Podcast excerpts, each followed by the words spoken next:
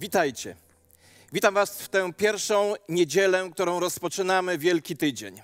Dzisiejsza niedziela w tradycji jest nazywana niedzielą palmową, ponieważ ten cały Wielki Tydzień rozpoczyna się triumfalnym wjazdem Pana Jezusa do Jerozolimy. A my dzisiaj będziemy kontynuowali rozpoczęty tydzień temu cykl nauczania pod tytułem Niewzruszona wiara w burzliwych czasach. Jest to cykl nauczania w oparciu o księgę Daniela. I powiem Wam raz jeszcze, że jestem głęboko przekonany, że Bóg posyła dla nas to słowo nie tylko dlatego, żeby nas przeprowadzić przez sytuację, w jakiej teraz się znaleźliśmy, ale dlatego, żeby przygotować nas do tego świata, który będzie po tym wydarzeniu, którego teraz uczestnikami jesteśmy. Czy pamiętacie, jakim tekstem z Księgi Daniela podsumowałem ostatnie kazanie? Pewnie nie pamiętacie, więc przypomnę. A Daniel postanowił w swoim sercu. Chyba wszyscy się zgodzimy, że życie to szereg wyborów, to bardzo dużo wyborów. Gdy chodziłem do technikum, na ścianie w klasie języka polskiego widniał cytat świętego Augustyna, który czytałem niemalże codziennie przez pięć lat. A cytat ten, ten brzmiał tak: Dokonawszy raz wyboru, całe życie wyboru dokonywać muszę. To, że dziś jestem pastorem, jest wynikiem decyzji, którą podjąłem prawie 35 lat temu. Nawet nasze małe wybory mogą okazać się niezmiernie ważne. Jaką szkołę średnią wybiorę, gdzie pójdę na studia, jaką karierę chciałbym robić, kto będzie moim mężem czy moją żoną, czy zachowam czystość przed ślubem, czy spróbuję narkotyków, aż w końcu stajemy przed najważniejszą życiową decyzją, czyli czy zdecyduję się pójść za Jezusem, czy nie. Wróćmy jednak do naszej historii. Oto nastolatek o imieniu Daniel, wrzucony nagle w miejsce i w sytuację, w której nigdy nie był, musi podjąć decyzję. Decyzję, która radykalnie zmieni całe jego życie. Pozwólcie na chwilę powtórki z ubiegłej niedzieli. Czy pamiętacie z poprzedniego kazania, jakie działania podejmuje świat, żeby zmienić naszą tożsamość i nasze przeznaczenie? Co robi świat, żeby zmienić tożsamość i przeznaczenie ludzi wierzących? Po pierwsze, odłączenie od naszego dziedzictwa wiary. Po drugie, zdeklasowanie, czyli umniejszenie tegoż dziedzictwa. Po trzecie, przebudowa dziedzictwa wiary. Po czwarte, zmiana tożsamości i przeznaczenia. Po czwarte, zmiana tożsamości i przeznaczenia. Tę ostatnią fazę chciałbym dzisiaj zatytułować akcją zmiana. Oto pobożni żydowscy nastolatkowie, wyrwani ze swojego środowiska, odbywają teraz szkolenie do pracy dla najpotężniejszego pogańskiego wówczas króla. Przez trzy lata będą zanurzeni w wiedzy, w kulturze, języku i, i religii babilońskiej. Ich żydowskie imiona, które świadczyły o potędze prawdziwego Boga Jahwe, zostały zmienione na, bóstwa, na imiona bóstw babilońskich, a gdy edukacja ich zostanie zakończona, zajmą wysokie stanowiska rządowe. Zostali poddani niezwykłemu praniu mózgu, które ma sprawić, że zapomną o swojej przeszłości, związanej i związanej z nią lojalności wobec prawdziwego Boga Jahwe, by podłączyć swoją przyszłość i lojalność z pogańskim królem i jego pogańskim stylem życia. Powiem Wam szczerze i posłuchajcie tego bardzo uważnie. Zawsze we mnie budzą niepokój działania, które podejmują różni ludzie, aby zmienić historię, aby wymazać bohaterów przeszłości. To dla mnie sygnał ogromny sygnał zbliżającego się niebezpieczeństwa. Przyjrzyjmy się tej akcji zmiana. Tę akcję zmiana rozpoczyna sprawdzian. Możesz pomyśleć, że to taki drobny sprawdzian, może nawet łatwy. Podano królewskie jedzenie. A co na to Daniel? Posłuchajcie Bożego Słowa.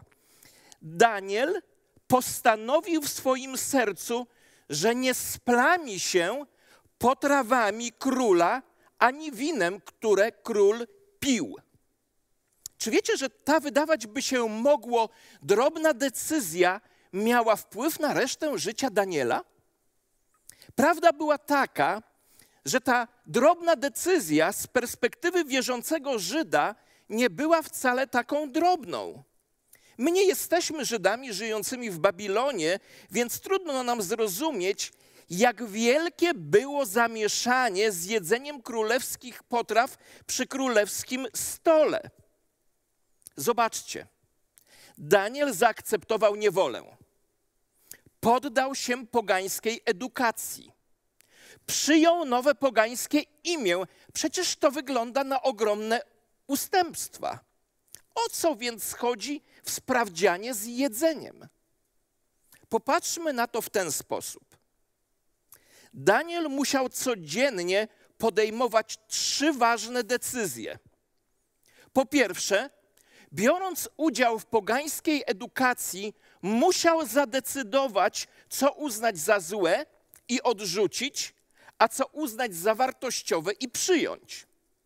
Po drugie, musiał codziennie podejmować decyzję, że jego nowe pogańskie imię i wraz z nim odniesienia do pogańskich bogów nie zmieni jego odniesienia do prawdziwego Boga Jahwe i nie zmieni tego, kim on naprawdę jest. I po trzecie, musiał podejmować decyzje dotyczące pogańskiego jedzenia. Pierwsze dwa wybory nie były widoczne gołym okiem przez innych ludzi, ale trzeci wybór już ludzkim oczom nie mógł umknąć. To było jak ustawienie bardzo widocznej granicy, widocznej dla wszystkich. Dalej już pójść nie mogę. Dlaczego Daniel odmówił jedzenia tych potraw? Po pierwsze, nie zostały one przygotowane zgodnie z zasadami dotyczącymi przygotowywania posiłków zapisanymi w Starym Testamencie, w Bożym Słowie. Po drugie, podawane napoje i posiłki były wcześniej ofiarowywane pogańskim bożkom. Spożycie tego jedzenia było publicznym poparciem dla pogaństwa.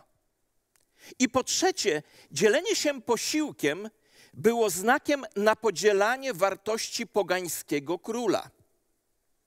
Daniel mógł być posłuszny królowi, a nawet służyć w jego rządzie, ale nie mógł udawać, że, pod, że podziela jego wartości. Spożycie tego jedzenia w tej sytuacji stanowiłoby moralny kompromis wszystkiego w to, co Daniel wierzył. Dlatego postanowił, że tego nie zrobi. To świadczy o tym, posłuchajcie, jego decyzja świadczy o tym, że nie zawsze można zepsuć człowieka z zewnątrz. Możesz zmienić kulturę, ale nie osobowość. Możesz zmienić czyjeś imię, ale nie jego naturę. Daniel mógł wyglądać jak poganin, ale wewnątrz był sługą żywego Boga. Nawet potężny Nabuchodonozor nie mógł nic na to poradzić. Daniel dużo ryzykował. Dużo ryzykował. Bo co, co mógł pomyśleć pogański król o nastolatku, który z uporem nie chce jeść królewskiego jedzenia? Przepraszam za wyrażenie, mógł pomyśleć, gówniarz się buntuje. A czym mógł skutkować taki bunt? Mógł między innymi utracić szansę na awans. Słyszycie? Mógł utracić szansę na awans. Nie wiem jak wy, ale ja jestem mistrzem samo wytłumaczania się czy samo usprawiedliwiania, gdy chodzi o kompromisy z moimi wartościami. Gdybym ja był na miejscu Daniela, to użyłbym następujących argumentów, które usprawiedliwiałyby moje jedzenie z królewskiego stołu. Posłuchajcie. Jestem daleko od domu, nikt się o tym nie dowie. Inni, a nawet większość przecież jedzą. jestem w niewoli. Bóg wie, że to drobnostka. To mi otworzy drzwi do lepszej przyszłości. Lub jeszcze jeden argument. Zostanę posądzony o legalizm. Posłuchajcie uważnie. Daniel nie użył żadnej z tych wymówek. Prawda jest taka, że zawsze można znaleźć wymówkę, gdy nie chcesz postępować właściwie. Daniel nie potrzebował wymówki. On podjął właściwą decyzję w swoim sercu. Zdecydował, że postąpi właściwie bez względu na to, co się stanie. Daniel podjął decyzję, a jego trzej przy, najbliżsi przyjaciele postanowili do niego dołączyć. Powtórzmy tę prawdę raz jeszcze. Babilończycy mogli zmienić wszystko: jego dietę, lokalizację, wykształcenie, język, a nawet imię, ale nie mogli zmienić jego serca. Dlaczego? Ponieważ jego serce należało do Boga. Kiedy Twoje serce i moje serce należy do Boga, możesz iść wszędzie, stawić czoła każdej sytuacji, a wszystko będzie dobrze. Możesz nawet żyć w Babilonie i dobrze sobie radzić, ponieważ Twoje ciało jest w Babilonie, ale Twoje serce jest w niebie. Zatem raz jeszcze postawię nam wszystkim pytanie: gdzie jest Twoje serce? Czy naprawdę należy do Boga? A może jesteś skoncentrowany, skoncentrowana na rzeczach ziemskich? A teraz posłuchajmy o dziesięciodniowej cudownej diecie Daniela. Wróćmy do Daniela. Mógł się spodziewać, że właśnie co zniszczył sobie świetlaną przyszłość, ale stało się zupełnie coś innego. A to dlatego, że jak czytamy w przypowieściach Salomona w szesnastym rozdziale, w siódmym wierszu, gdy drogi człowieka podobają się Panu, to godzi z nim nawet jego nieprzyjaciół. I stał się cud. Bóg zjednał Danielowi łaskę i miłość przełożonego eunuchów. Gdy Daniel podjął decyzję o posłuszeństwie Bogu, Bóg pobłogosławił mu przychylnością Aszpenaza, przełożonego eunuchów. Posłuchaj, doświadczysz błogosławieństwa, gdy stajesz w obronie tego, w co wierzysz. Dla odważnych jest błogosławieństwo, którego nieśmiali nigdy nie doświadczają. Odważna propozycja Daniela była bardzo prosta. Poprosił, aby jego przyjaciele i on, zamiast być żywionymi potrawami ze stołu królewskiego, byli żywieni warzywami i wodą przez dziesięć dni, a po upływie tych dni porównani z innymi, którzy żywią się potrawami w celu dalszych decyzji przełożonego eunuchów. Samo to, w jaki sposób Daniel zwrócił się z prośbą do przełożonego, to jest dla mnie mistrzostwo świata.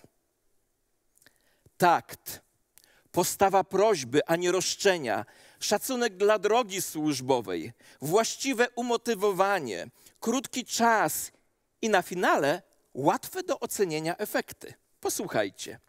A po upływie dziesięciu dni Okazało się, że ich twarze wyglądały lepiej i ich ciała były tęższe niż wszystkich młodzieńców, którzy jadali pokarm z potraw królewskich.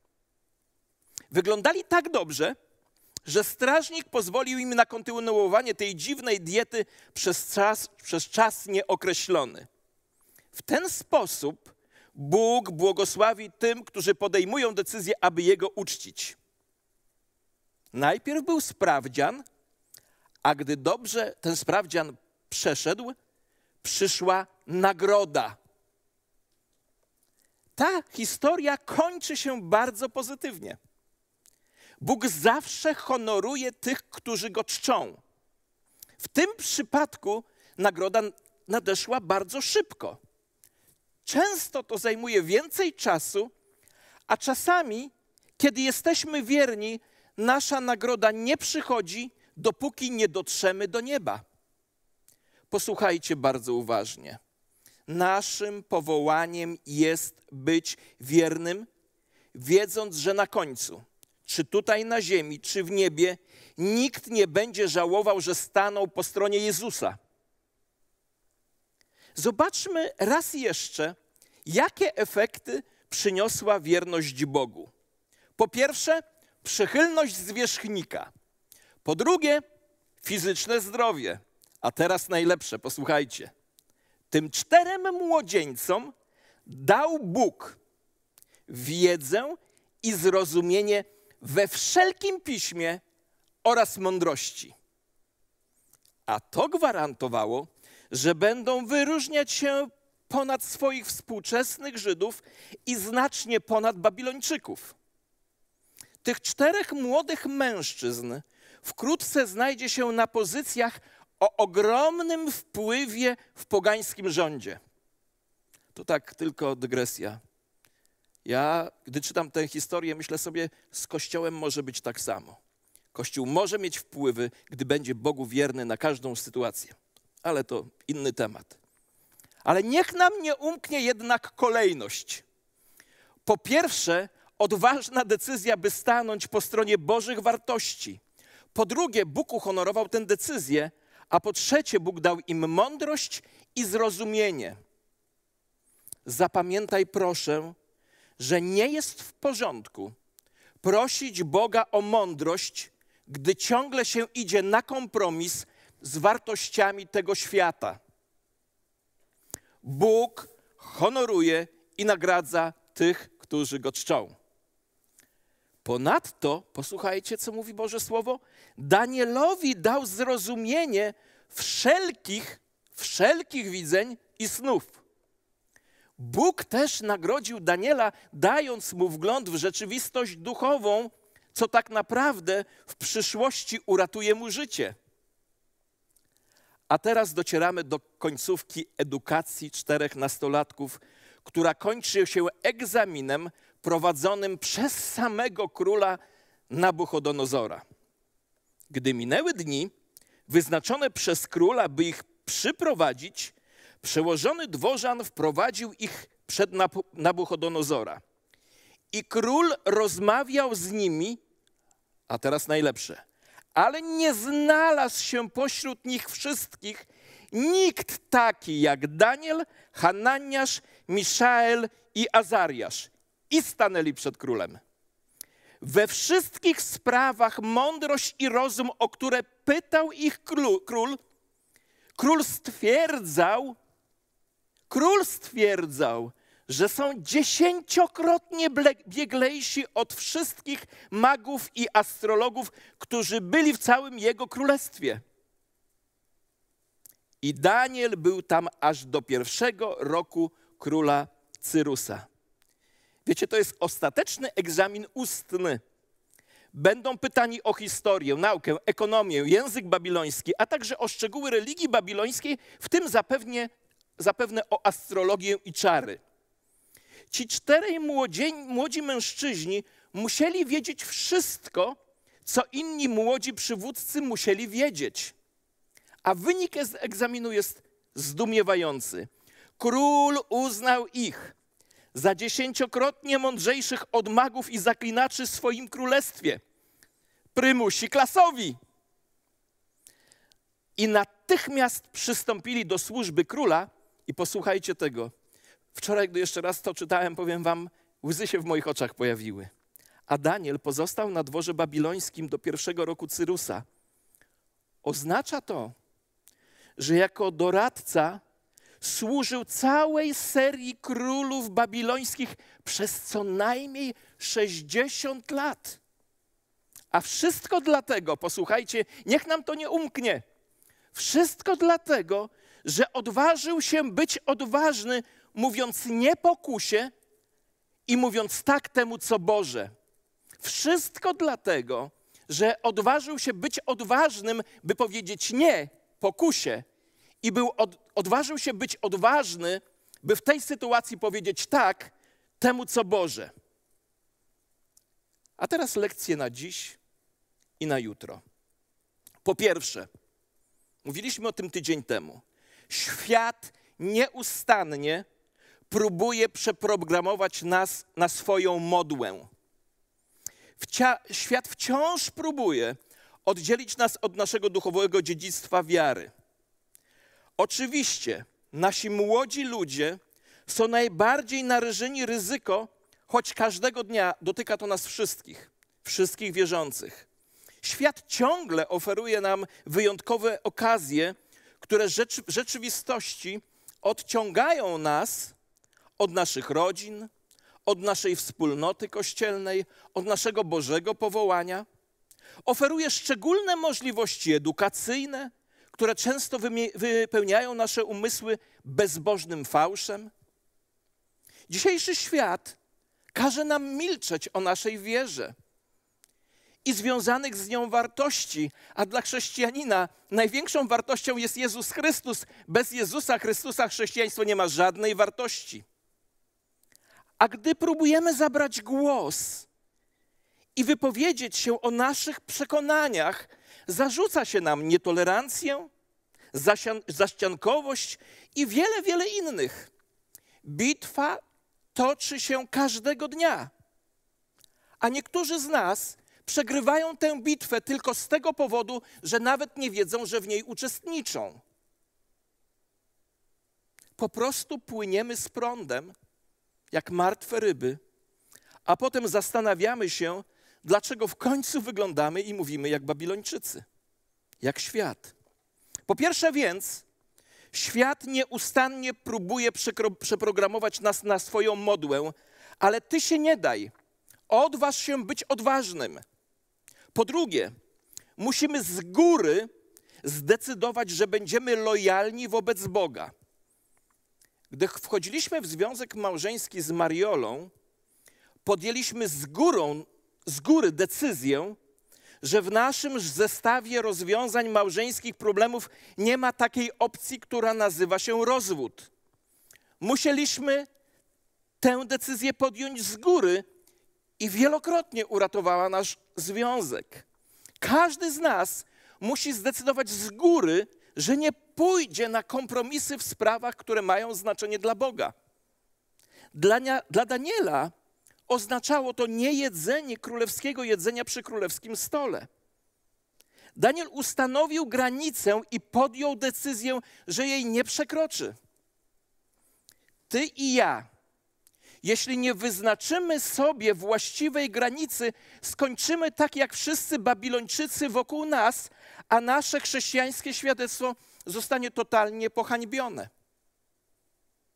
Musisz więc być mądry, myśleć z wyprzedzeniem, z wyprzedzeniem zdecydować, czego nie robić i nie rób tego. I zdecyduj, co będziesz robił i rób to. Z góry musisz podjąć taką decyzję. Pamiętajmy to, co powiedział Jezus w Ewangelii Mateusza. Jeśli ktoś chce pójść za mną, niech się wyprze samego siebie, weźmie swój krzyż i idzie za mną. Wyprzeć się samego siebie to między innymi rezygnacja z rzeczy, spraw, działań, których, z których nie chciałbym zrezygnować, ale Jezus ode mnie tego oczekuje. To jest rezygnacja z czegoś, z czego nie chciałbym zrezygnować, ale Jezus chce, bym z tego zrezygnował. To jest wyprzeć się samego siebie, a wziąć swój krzyż to podjąć rzeczy, sprawy, działania, których nie chciałbym podejmować, ale Jezus ode mnie tego oczekuje. Są więc rzeczy, z których trzeba zrezygnować, i są rzeczy, które trzeba podjąć. Tu chodzi o zdroworozsądkowe myślenie o naszych chrześcijańskich wartościach. Kochani, ktoś powiedział to tak: Nie każda góra jest warta umierania, ale są góry, za które nawet umrzeć warto, a nawet umrzeć trzeba. Po pierwsze więc, świat nieustannie próbuje przeprogramować nas na swoją modłę. Ale ty się nie daj. Odważ się być odważnym. Po drugie, musimy z góry zdecydować, że będziemy lojalni wobec Boga, dlatego odważ się być odważnym. I po trzecie, musimy znać nasze własne granice i pod żadnym pozorem ich nie przekraczać. Daniel znał swoje ograniczenia. Kiedy zapisali go na uniwersytet w Babilonie, nie sprzeciwił się. Kiedy uczyli go języka babilońskiego, nauczył się go lepiej niż wszyscy inni. Kiedy uczyli go nowej kultury, nie zbuntował się. I nawet wtedy, kiedy zmienili jego imię, najwyraźniej się temu nie, przed, nie przeciwstawił. Ale gdy jednak powiedzieli mu, musisz jeść królewskie jedzenie przy królewskim stole, powiedział: Przepraszam, nie mogę tego zrobić. I nie zrobił. Był uprzejmy w sposobie, w jaki to powiedział, i był kreatywny w proponowanym przez siebie rozwiązaniu. Posłuchajcie bardzo uważnie.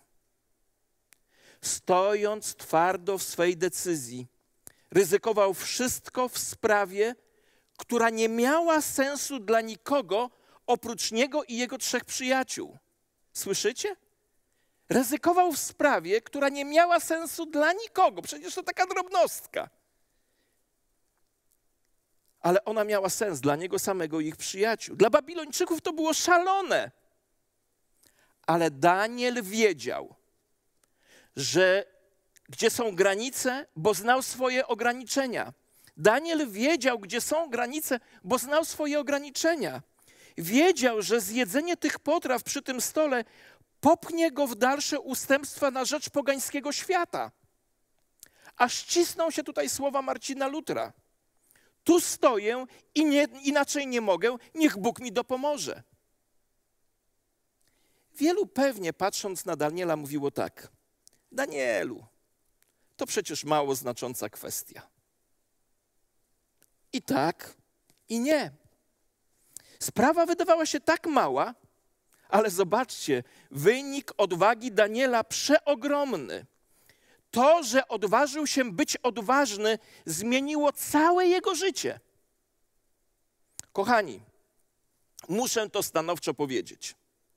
Jeśli chodzi o kompromisy naszej wiary i wartości, nie ma małych spraw. Jeśli nasz Bóg jest Panem wszystkich obszarów naszego życia, nawet każdego mikrometru naszego życia, to wszystko należy do Niego. Nie ma małych spraw. Pamiętaj na słowa Jezusa. Kto jest wierny w najmniejszym i wielkim jest wierny, a kto w najmniejszym jest niesprawiedliwy i wielkim jest niesprawiedliwy. Posłuchajcie całą powagą. Od lat i nie będzie wcale lżej. Nawet myślę, że będzie trudniej. Odbywa się atak. Ogromna presja na nasze wartości a gdy je tylko próbujemy bronić, jesteśmy posądzani o nienawiść, o nietolerancję, o przestarzałość, zaściankowość itd., tak itd. Tak Nastolatki, a także my, stajemy w obliczu tak wielkich presji. Zobaczcie, edukację w podstawowych kwestiach przejmują instytucje czy ludzie, którzy absolutnie nie podzielają naszych przekonań. Dziś powiedzenie, że małżeństwo to związek mężczyzny i kobiety, traktowane jest jako szczyt nietolerancji. Ale jeśli jesteś człowiekiem Biblii, to musisz uznać, że tak jest, że małżeństwo to związek mężczyzny i kobiety. Choćby nie wiem co, tej granicy nie wolno nam przekroczyć, szanując każdego człowieka. Współżycie seksualne przed ślubem i poza małżeństwem, to ciągle grzech nieczystości. Tej granicy nie wolno nam przekroczyć. Lista jest długa. Brudny język, plotka, oszczerstwo, homoseksualizm, pornografia, seks prześlubny, narkotyki. Bardziej niż kiedykolwiek, wcze, wcze, niż kiedykolwiek wcześniej potrzebujemy pokolenia dzieci i młodzieży oraz dorosłych, którzy odważą się być odważni, by powiedzieć nie, tam gdzie Bóg chce, byśmy mówili nie i wypowiedzieć głośno tak, tam gdzie Bóg chce, byśmy mówili tak.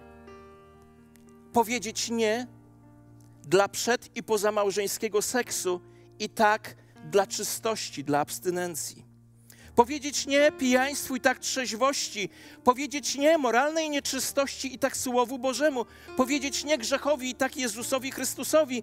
Powiedzieć nie, aby iść z tłumem i powiedzieć tak, stojąc często samotnie. Powiedzieć nie pokusie i tak Bogu. Powiedzieć nie tchórzostwu i tak, aby odważnie świadczyć o Chrystusie. Powiedzieć nie kompromisowi seksualnemu i tak, będę czekał aż do ślubu.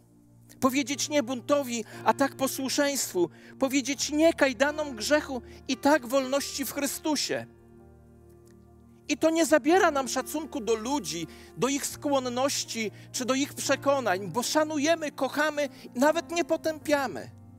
Ale mamy prawo do wyrażania naszych poglądów, które płyną z Bożego Słowa, z wierności Jemu, z miłości, nie raniąc nikogo. Po pierwsze więc, świat nieustannie próbuje przeprogramować nas na swoją modłę. Ale ty się nie daj, odważ się być odważny. Po drugie, musimy z góry zdecydować, że będziemy lojalni wobec Boga. Dlatego odważ się być odważny. Musimy znać nasze własne granice i pod żadnym pozorem ich nie przekraczać. Dlatego odważ się być odważny w ich wyznaczaniu. I podejmij decyzję teraz, dzisiaj, z góry. W obliczu trudnego wyboru moralnego powiedz te słowa: Inni mogą, a ja nie mogę. A w zasadzie, a ja nie chcę. Nie musisz decydować za nikogo, ale musisz zadecydować za siebie samego. I po czwarte, pamiętaj, Bóg nagradza wierność Jego wartościom. Oto ostatnia lekcja. To, co zaczęło się od odwagi, by być odważnym, kończy się życiem błogosławieństwa. Zobacz, co Bóg zrobił dla tego odważnego nastolatka, który w świecie niebożych wartości zdecydował się odważnie trzymać się Bożych przekonań. Bóg chronił Daniela, kiedy zaproponował test. Bóg pomógł Danielowi podczas próby i później także. Bóg wypromował Daniela w oczach króla, a Daniel na własnej skórze doświadczył spełnienia się obietnicy, którą Bóg złożył w pierwszej księdze Samuelowej. Tych bowiem, którzy mnie czczą, ja będę czcić, mówi Jahwe. Zobaczcie, drobna decyzja na początku historii stała się kluczową w całym życiu Daniela. Być może wtedy nie wydawało się to takie ważne, ale ta drobna jego decyzja o niejedzeniu potraw z królewskiego stołu wpłynęła i ukształtowała dalsze jego 60 lat. I posłuchajcie jeszcze tego. Gdyby nie ta decyzja Daniela, dzisiaj nawet byśmy o nim nie wspominali, bo on by był zapomnianym Żydem w Babilonie, który wyglądał i zachowywał się jak wszyscy inni. Od tych wydarzeń minęło dwa i pół tysiąca lat. To kawał czasu. Bardzo wiele się w tym okresie wydarzyło, zmieniło. Nie zmienił się jednak Bóg, nie zmieniło się Jego słowo, a świat wciąż próbuje nas uwieść. A dobra nowina z księgi Daniela z pierwszego jej rozdziału mówi tak, że można żyć dla Boga w szkole średniej, można żyć dla Boga stu, na studiach, można żyć dla Boga w pracy, w karierze, aż do końca swoich dni, bo Daniel pokazał na drogę, a zastosowanie tego kazania jest proste. Świat nieustannie próbuje nas przeprogramować, ale ty się nie daj, odważ się być odważnym. Musimy z góry zdecydować, że będziemy lojalni wobec Boga, dlatego odważ się być odważny. Musimy znać własne granice i pod żadnym pozorem ich nie przekraczać, dlatego odważ się być odważnym w ich wyznaczaniu. I po czwarte, pamiętaj, Bóg nagradza wierność Jego wartościom, dlatego odważ się być odważnym, bo zwycięstwo, które zwyciężyło świat, to wiara nasza. Amen. Pochylcie nasze swoje głowy w modlitwie. Boże Ojcze, dzisiaj nas uczyłeś o wierności. I Panie, teraz w tej sytuacji, jaką przechodzimy i, i do której zmierzamy, Panie, wypisz to w naszych sercach, że wierność Twoim wartościom, wierność największej Twojej wartości, jaką jest Jezus Chrystus, pomoże nam przejść zwycięsko przez różnego rodzaju sytuacje, przez które będziemy przechodzić. Bo zwycięstwo, które zwyciężyło świat, to wiara nasza. Amen.